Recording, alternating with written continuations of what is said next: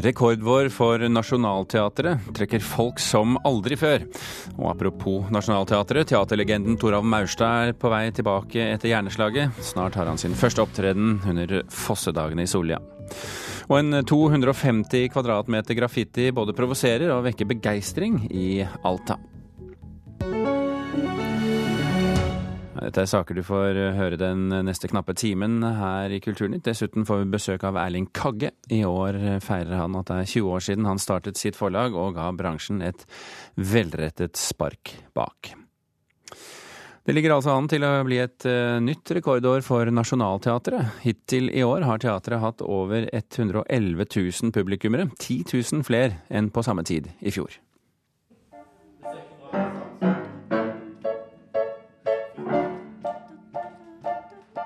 Øvelse før premieren på Karsten og Petra, et av flere stykker som har gått på Nationaltheatret denne våren. Med stort hell. Vårsesongen har vært fantastisk, syns vi.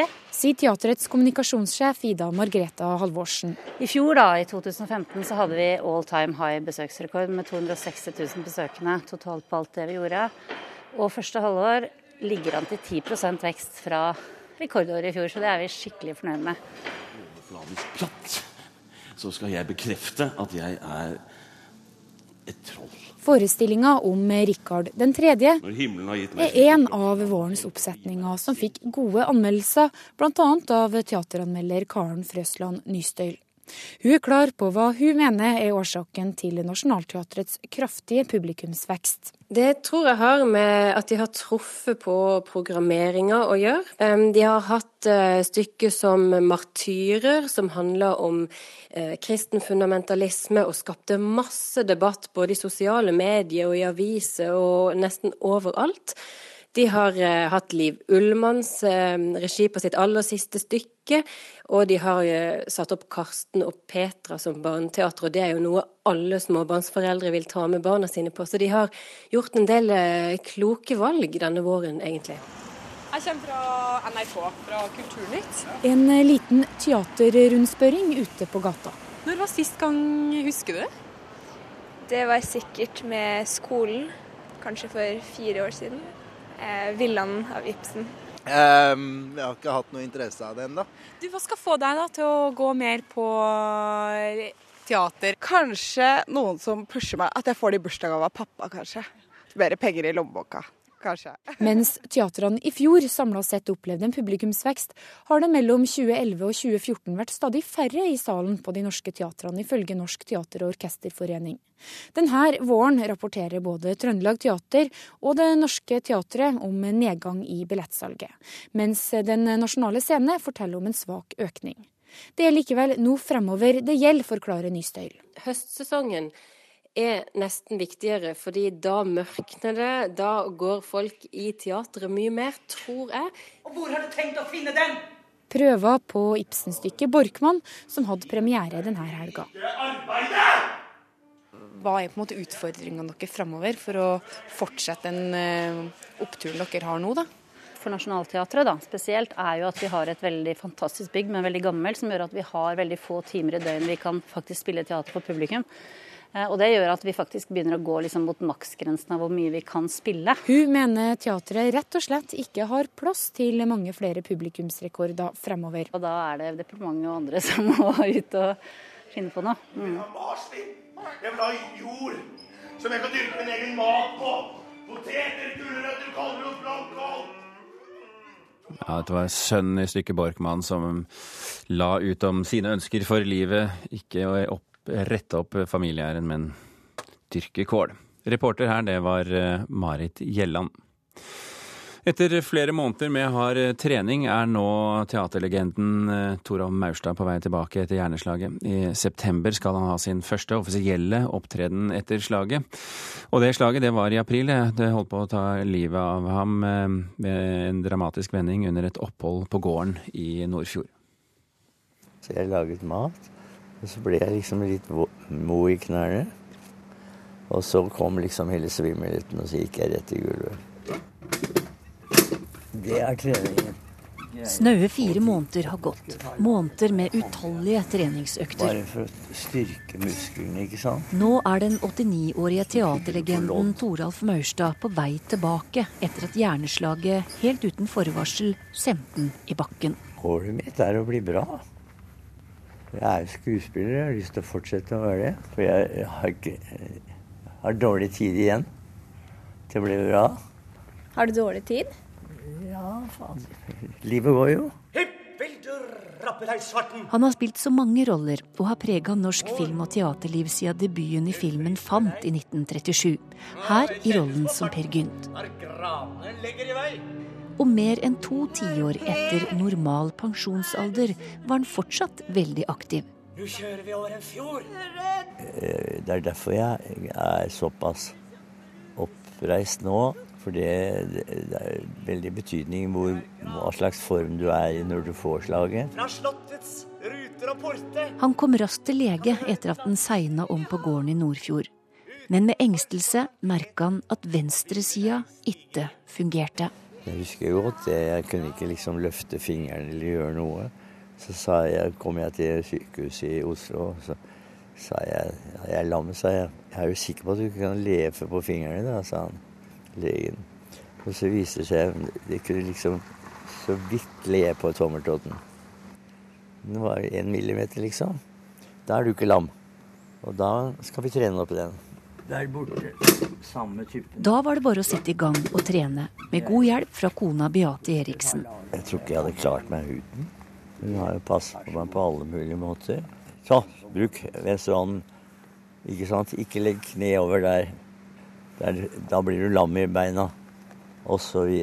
Og mat og sove og medisin og oppmuntring og helt tatt. Så vil jeg gjerne takke for at jeg i dagens løp ikke er blitt overkjørt, men fortsatt er oppegående og ved god helse. Som Ludvig i Flåklypa leste han stille sin aftenbønn. På Skogli helse- og rehabiliteringssenter i Lillehammer har det vært nødvendig med mer rå muskelkraft. Den har jeg tatt i dag. Den står på 90 kilo.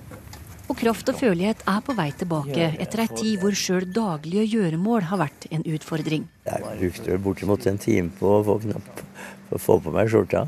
Så vanskelig er det til å begynne med. Men hva med hukommelsen for en som har pugga manus i en mannsalder? Det vet jeg faktisk ikke.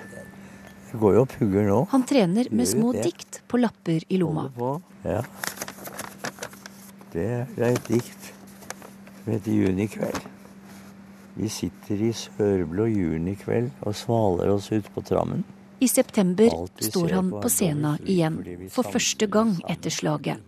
På ei lita scene i Solja i Hedmark. Jeg gleder meg veldig, egentlig. Fordi at det er det første jeg gjør etter at jeg ble syk. Ja, Du hørte um, Toralv Mærstad her. Reportere det var Henriette Leine Vangen og uh, Torunn Myhre. For snart eh, ja, snaut 25 år siden faktisk, så fant juristen eh, Erling Kagge Sydpolen. Etter at han kom hjem, pakket han ekspedisjonsutstyret sammen, men la ut på en ny ekspedisjon i for ham ukjent farvann, nemlig forlagsbransjen. Og når Kagge forlag i dag legger frem årets høstliste, så er det høsten de feirer 20 år som eh, forlag. Erling Kagge, velkommen til Kulturnytt. Tusen takk. Har det vært en fin tur? ja, det har vært det. Og den er jo ikke over. Den fortsetter jo. Så jeg tenker at eh, på en eller annen måte så er man aldri halvveis. For 20 år siden så satte du et horn i siden på forlagsbransjen da du begynte å selge bøker på Rimi og Ica, da som familievennen forlag. Hva var motivasjonen din egentlig? Nei, eh, motivasjonen var at eh, jeg, kjæresten min var gravid. Jeg bodde i Cambridge, England, og tenkte at jeg måtte begynne å jobbe med et eller annet. Og så så jeg for meg forlagsbransjen. Sto... For du var, du var, jurist? Du, du var, jeg var advokat. Du, var advokat, ja, ja. du kunne jo tatt den? Ja, absolutt. Eh, men jeg, har litt sånn grunnleggende tro på viktigheten av å gjøre livet litt vanskeligere for seg selv enn nødvendig. Eh, og jeg kunne mye om litteratur, kunne en god del om bøker. Så, og det var en veldig konservativ, litt sånn satt bransje, eller svært satt, satt bransje, så der var det en mulighet. Og så begynte jeg å selge på Rimia, Ibsen og og var ikke den første til å selge bøker på Rimi, var første til å selge kvalitetslitteratur. Og Astrid Lindgren, Asbjørnsen og Moe også balte på seg. Men, men eh, altså, familiens store kokebok, eh, Astrid Lindgren, som du snakker om, Asbjørnsen og Moe, det var ikke akkurat vågale utgivelser? for å si det sånn, intellektuelt sett? Skal trygt si eh, trygge utgivelser.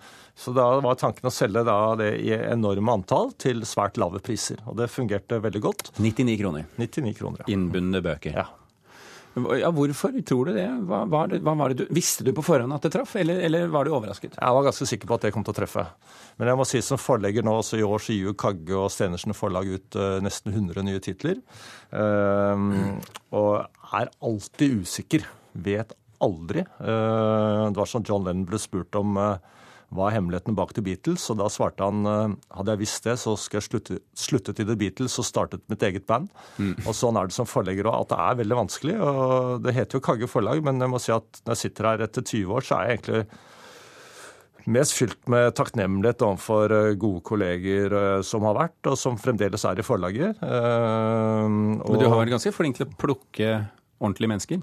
Ja, takk for det. Jeg syns også det at uh, jeg, jeg, har jo fått mye æren for dette her, men jeg, men jeg vet jo at uh, sannheten er at det er jo de 20 andre i Kagge og Stenersen som uh, stort sett gjør jobben. Og, og, nesten 100 forfattere i år som stoler på oss, og veldig mange andre som jobber med oss, bokhandlere og andre. Så det er først og fremst tak takknemlighet. Men, men, dere har jo blitt et etablert forlag nå, ikke sant? Et ordentlig forlag med redaktører og liksom idéutvikling fra første til siste stund. Har dere mista noe på veien, syns du? Det er ikke så lett for meg å si, men det har vi sikkert gjort. Vi har fått inn andre ting. Fått inn litt sånn mer profesjonalitet. Og nå er det jo ikke jeg som er daglig leder mer, verken i Stenersen eller Kagge, så jeg tror de fleste forandringer er til det bedre, syns jeg. Ehm, så jeg jobber jo fortsatt eh, hver eneste dag og stort sett hver kveld og sånt noe med forlaget. Men, ehm, men jeg begynte jo ut, startet jo i og for seg med å eh, skrive en god del av bøkene selv i forlaget. Og det Gjør det billig? og gjøre billig, ja. Og det har jeg fortsatt med. Så nå i høst kommer jeg med en ny bok om om stillhet og stillheten i støyens tid. Så um, på mange måter så har vi fortsatt der vi startet. Blir det den nye bestselgeren, tror du?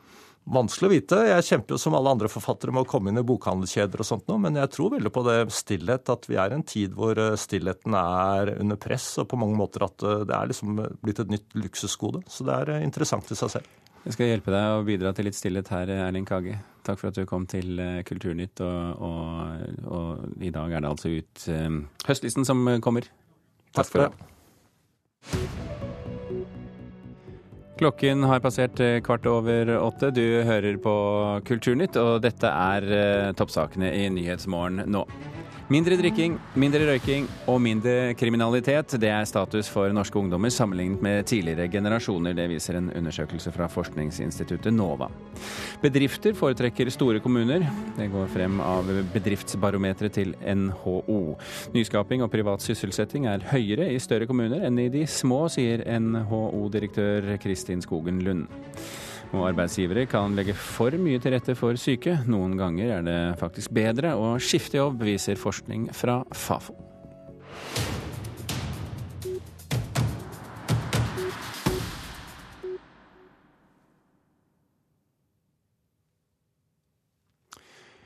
Vi står foran en innholdsrik filmhøst på norske kinoer. Birger Vestmo, filmkritiker her i NRK. Du har satt for deg hele hele høsten, så å si. Hvilke norske filmer bør vi merke oss i månedene fremover? Ja, Den første jeg da vil nevne, er Løvekvinnen, som åpner filmfestivalen i Haugesund førstkommende søndag. Her er et lite lydklipp fra den. Jeg er lei for det. Men barnet lever. Det er ingen barn.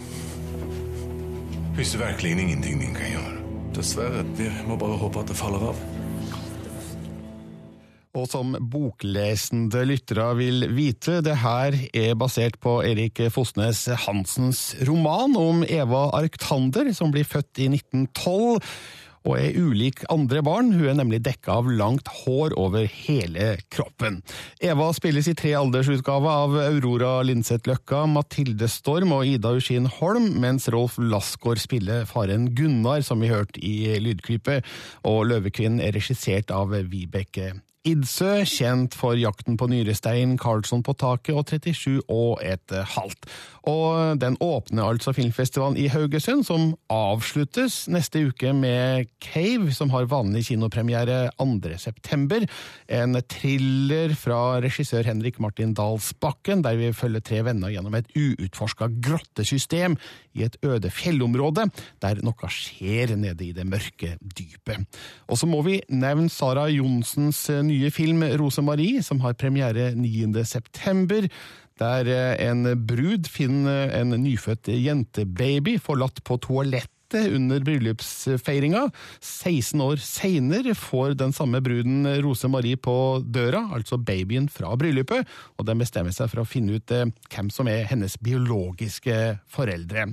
Og så kan vi jo ikke utelate å nevne Kongens nei, som har premiere 23. september, og åpner Bergen internasjonale filmfestival noen dager i forveien. Dette er Erik Poppes nye film som skildrer hvordan konge og regjering flykter nordover når nazistene invaderer Norge i april 1940, og hvordan kong Haakon etter hvert nekter å kapitulere.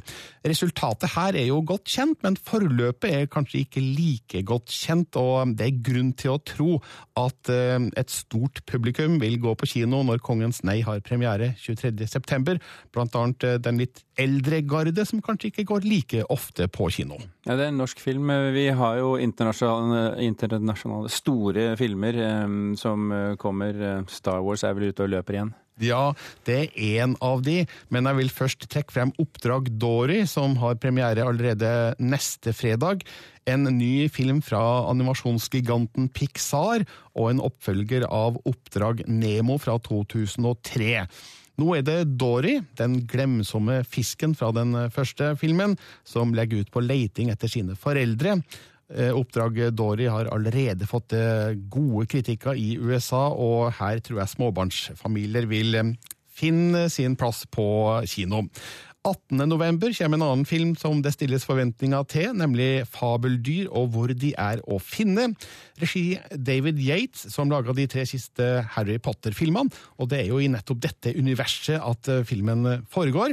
Det handler om forfatteren Newt Scamanders opplevelser blant New Yorks hekser og magikere, ca. 70 år før Harry Potter leser Scamanders lærebøker på Galtvort. Eddie Redmayne spiller Scamander, mens andre roller spilles av Colin Farrell, Ezra Miller og Zoe Kravitz. Og så, må du... Ja, kom til saken. ja, Jeg er nødt til å komme tilbake til det du sa innledningsvis her eh, i sted, nemlig Star Wars. Eh, Rogue One, A Star Wars Story, har premiere 14. desember. En eh, enkeltstående film fra Star Wars-universet. Her er litt lyd fra den også. We've a mission for you. Major weapons test is imminent. We need to know how to destroy it. If you're really doing this, I want to help. Good. Gareth Edwards har laga en eh, film som forteller forhistorien til den aller første Star Wars-filmen fra 1977, og dette blir nok en av eh, høsten og vinterens aller største publikumssuksesser på kino. Og hvis det er det, så har vi vel en ny mann inn, eller en gammel figur, kjent figur inn i universet òg, da, kanskje? Ja, traileren som kom i forrige uke ga oss et glimt av en gammel kjenning med svart hjelm og kappe, nemlig Darth Vader. Ja, noe pustevansker hørte vi inn der på slutten. Birger Vestmo, takk for at du orienterte. I en drøy uke har det vokst frem en stor graffiti på en av de mest synlige veggene på Alta ungdomsskole. Kunstner Anders Sunna fra Sverige har tidligere skapt debatt med sin kunst, og det har han sannelig klart med dette kunstverket også. Han har laget det sammen med kunstner Linda Aslaksen. Ja. Hva er det du holder i hånda der? Hva er det? Det er en komse. Men en komse med Hva er det? Hva skal man si? Kulturbomb. Så det er en bombe som er ja, det, kultur, kulturbomb. Altså det er ingen ja. Nesten sånn som en håndgranat, eller? Nei, det er ikke nei, det. Nei. De to forbipasserende damene måtte stoppe opp. Nå står de og gransker veggen på ungdomsskolen. Graffitikunstner Sunna forklarer hva de ulike elementene i verket er. Blir du skremt når du ser sånt, ei rype med selvmordsbelte? Ja. Vi stusser jo litt. Vi, altså, jeg syns jo det, det, ser litt skummelt ut, det gjør det. Så vi lurte jo veldig på hva, um, hva, ja, hva han mente med det, hva, hva symbolikken her var. Gjør du det for å skremme folk? Nei, det, det bruker jeg aldri gjøre. Hvorfor gjør du det da? Ja, det, det, nej, men det, man ska ju väckas och tänka efter och, och eh, också att eh, hur man behandlar eh, naturen och djuren och de kan inte, det är inte så att de säger ifrån. Anders Sunnas tidligere arbeider har blitt omtalt som militant og politisk. Og Sunna sjøl har sagt at eh, kunsten kan ses på som en advarsel. Nei, men det, det gjelder i alt i hop. man, om man tryck, till exempel man, man kan ta hvilken folkgrupp som helst, om man trykker ned for mye eller en menneske, eh, til sist så kan det gå illa. Og det er litt det man må tenke på, at man kan som ikke bare fortsette å trykke ned og trykke ned. For det er som at du har en kastrull och det kokar vatten och så sätter du locket på, till sist så kommer det ju ändå ut. Så att det är lite det också man måste ha förhållande till. Nej, jag måste säga, jag är dypt rystet at man, eh, at man eh, jeg holdt på å si, lager noe sånn rett opp i ansiktet på barn. Det er en ungdomsskole, og der er barn fra syvende til tiende klasse. Eh, der er samiske barn, der er muslimske barn. Og mye av det som du ser på bildene, også en fredsstue bl.a. med dynamitt på seg, så tenker jeg at verden er så grusom i dag at sånn her ting, det syns jeg ikke vi skal gni inn i ansiktet på barn. Det sier Ruth Olsen, kommunepolitiker i Fremskrittspartiet i Alta. Men Anders Sunnas kunst preges av hans oppvekst i Nord-Sverige. Familien hans ble fratatt retten til å drive med reindrift i 1986, forklarer kunstneren. Min familie ble tvangsforflyttet 1986, og vi fikk polisen hetsade oss og myndigheter. Vi fikk jo som familie 300-400 politianmeldinger på oss og vi fikk ikke arbeide i kommunen eller vi fikk ikke så vi ble jo siden sedan 1971 og fortfarande av staten blivit det.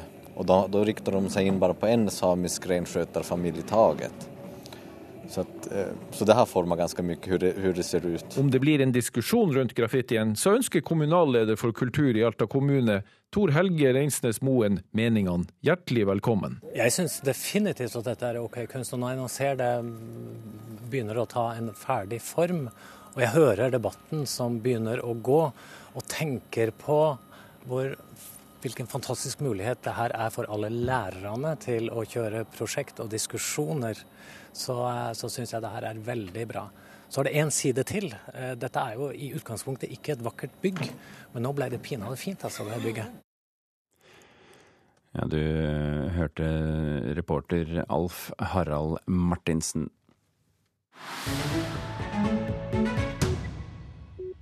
Droner Ubemannede flymaskiner de har vært med på å endre forutsetning for krigføring i internasjonale konflikter, og de brukes som leketøy og arbeidsverktøy for fotografer, da i noe mindre, og, mindre størrelse og mindre farlig utgave. Men hittil har det vært relativt lite brukt som kunst, og kanskje er det av gode grunner, men nå kan vi få en anelse om potensialet også der, for i helgen åpnet utstillingen 'Dronene kommer' med kunstnerne Ruben Pater fra Nederland og Anders Eiebakke fra fra Norge. Dette er altså i Akershus kunstsenter på Lillestrøm utenfor Oslo. Og Mona Palle Bjerke, kunstkritiker her i NRK. Hva kan man oppleve på, eh, med, dronekunst? Ja, Ruben Pater han har altså fylt en hel vegg med hva skal jeg si, et nettverk av emblemer og symboler som viser hva skal jeg si, dronekretsløpet, altså fra leverandører til underleverandører, utvikling av teknologi til salg, hvor han også viser dette med ansvarspulverisering, hvordan f.eks. sivile bedrifter ender opp med å levere droner til militære markeder, og disse uklare skillene. Og her inngår også Barack Obama og Nobels fredssenter i dette nettverket. Barack Obama som en litt paradoksal mottaker av eh, Nobels fredspris. Men han har også et annet verk i dette rommet, et gammelt kart over Afrika hvor markørene for koloniherredømme er erstattet av amerikanske dronebaser. Og man blir ganske overveldet over hvor enormt mange det er. Og det han jo vil vise her, det er jo dette som en ny form for imperialistisk eh, kontroll og maktutøvelse fra amerikansk side. Men det virker som en, en ganske stor avstand fra dette litt sånn nøkterne fremstilt på kart, på plansjer, mm. med ord, og den eh, virkeligheten de utsettes for, de som eh, blir objekter for droneangrep. Mm. Og det prøver også Ruben Pater å få oss til å leve oss inn i i et verk som heter 'Afraid of Blue Skies', som tar utgangspunkt i et sitat fra et barn i Afghanistan, tror jeg det var, som sier at 'nå liker jeg bedre overskyet himmel når dronene ikke flyr'. Eh, og her har da Ruben Pater laget et, det er både et lyd- og filmverk, hvor han har tatt bare en enkel tagning av blå himmel ut av vinduet sitt i Nederland, eh, og så har han lagt på eh, det er litt sånn science, science fiction-saktig åtte til ti drone, droner av lyden av dem. Fordi dette, er jo, dette med lyden altså Det er ikke alltid man ser dronen, men man hører den. ikke sant? Den er en sterk lyd. Og man kan jo leve seg inn i hvordan det er og ikke vite hva slags drone det er du har over deg. Overvåker den deg, eller er det en våpenbærende eh, drone? Og at jo, Selve lyden kan drive deg til vanvidd, men det er jo også bærer av en potensiell eh, trussel. Så dette får han oss til å leve oss inn i da, i dette verket. Det var Ruben Pater. Hva med Anders Eiebakke? Ja, Han har også et sånt maktkritisk tilsnitt alltid på sine arbeidere. Han har jo jobbet med droner i årevis, lager dem selv og flyr dem eh, selv. Men hans prosjekt har også noe mer poetisk og meditativt. Så hvis man har fått litt hodepine der nede hos Ruben Patter, så kan man gå opp i antasje og få liksom hengi seg litt mer til en sånn litt skjønnhet hos Anders Eibakke. I verket The Residency fra 2014 så flyr vi med hans måkedrone. Han lager jo disse formet som måker, og der kan vi se der kan vi se ned på en vestlandsfjord og kommer nærmere og nærmere en bortgjemt hytte, og hvor vi til slutt flyr inn. Og han stiller jo da spørsmål til har vi rett til å låne øyne og kikke inn i andres eh, privatliv. Dette er tommel opp, skjønner jeg? Ja, det er det virkelig. Dette er en veldig spennende, interessant og viktig utstilling. Og Utstillingen den finner du på Akershus kunstsenter i Lillestrøm eh, frem til 4.9. Takk skal du ha, Mona Palle Bjerke. Vi har ikke mer tid her i Kulturnytt. Eh, Tone Staude og Birger Kolsrud Aasund takker for følget.